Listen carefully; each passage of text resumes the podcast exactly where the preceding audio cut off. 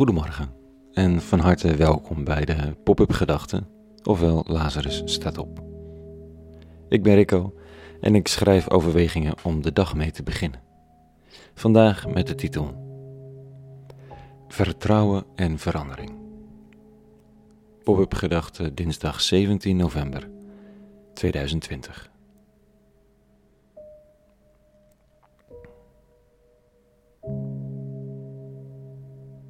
Laat eerst, eerst maar eens zien dat je veranderd bent. Dan kan ik je misschien weer gaan vertrouwen. Zo'n uitspraak klinkt logisch. Het is niet eenvoudig voor degene die moet veranderen.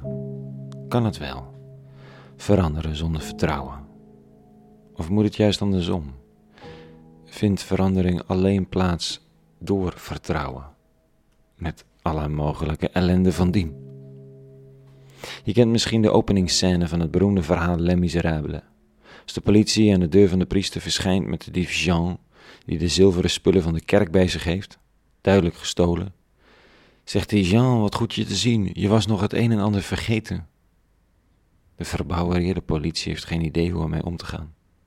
Er is geen reden tot gevangenneming, en in plaats van in de gevangenis, soms ook wel de leerschool van de misdaad genoemd, terecht te komen, komt er bij de priester in de leerschool van genade en vertrouwen terecht. En mooie romantiek, leuk voor theater, boek en film. Maar als iemand van je gestolen heeft in het echte leven, trilt zomaar de verontwaardiging door je lijf. Je voelt je genaaid, je vertrouwen is beschaamd, dit moet rechtgezet. Je moet toch aardig wat uren in totaal meditatie hebben doorgebracht, denk ik dan, om te kunnen reageren als de miserabele priester. Zo'n tegenwoordigheid van geest. Van de hoofdletter geest, ik, ik, hoe dan? Kan de ander die mijn vertrouwen heeft beschaamd in een vriendschap of een relatie, dat vertrouwen herwinnen door te veranderen?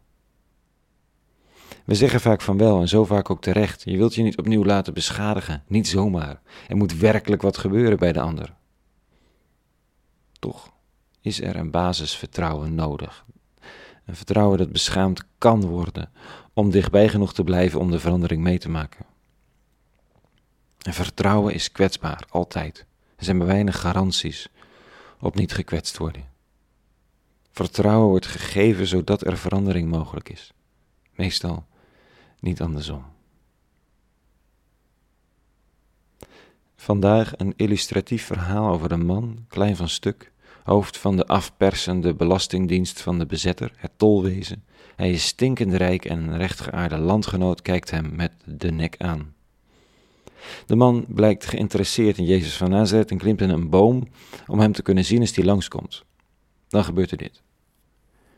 Toen Jezus bij de plaats kwam, keek hij omhoog en zei tot hem: Zacchaeus, klim vlug naar beneden, want vandaag moet ik in uw huis te gast zijn. Zacchaeus kwam snel naar beneden en ontving hem vol blijdschap. Alle zagen dat en merkten morrend op: hij is bij een zondaar zijn intrek gaan nemen. Bij iemand eten is niet een functionele keuze. Zo van: oh, dit is een rijk man, die mag me wel eens wat goeds te eten geven, hij heeft toch te veel. Bij iemand eten is het equivalent van diegene tot familie verklaren, nauwe verwantschap, je identificeren met, vertrouwen je. Zo het stikt van de mensen in dat dorp waarschijnlijk, die allereerst door deze Zacchaeus zijn afgeperst, of door zijn medewerkers, en vervolgens hun stinkende best hebben gedaan om dan niet haatdragend te reageren, die een leven van liefde en toewijding leven en daardoor best daarvoor best de erkenning van de beste Messias zouden kunnen gebruiken. Maar nee, de man van Nazareth hult met de vijand. Dan staat er dit. Maar Zacchaeus trad de heer, op de Heer toe en sprak: Heer, bij deze schenk ik de helft van mijn bezit aan de armen. En als ik iemand iets heb afgeperst, geef ik het hem vierdubbel terug. Jezus sprak tot hem: Vandaag is dit huis heil ten deel gevallen. Want ook deze man is een zoon van Abraham. De mensenzoon is immers gekomen om te zoeken en te redden wat verloren was. Eerst vertrouwen, dan verandering. De vrome dorpsbewoners hebben er een nieuwe vrome bij. Ze hebben de erkenning van de Messias niet gekregen.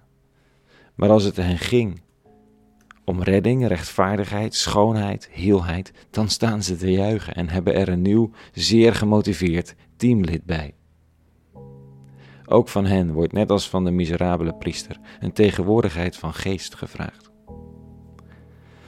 Het is hard nodig om dit soort verhalen te blijven vertellen, voor ik in een licht zelf ingenomen verontwaardiging de schoonheid van dit soort gelegenheden misloop in mijn leven. Tot zover. De pop-up gedachten van vandaag. Een hele goede dinsdag gewenst. En vrede. En alle goeds.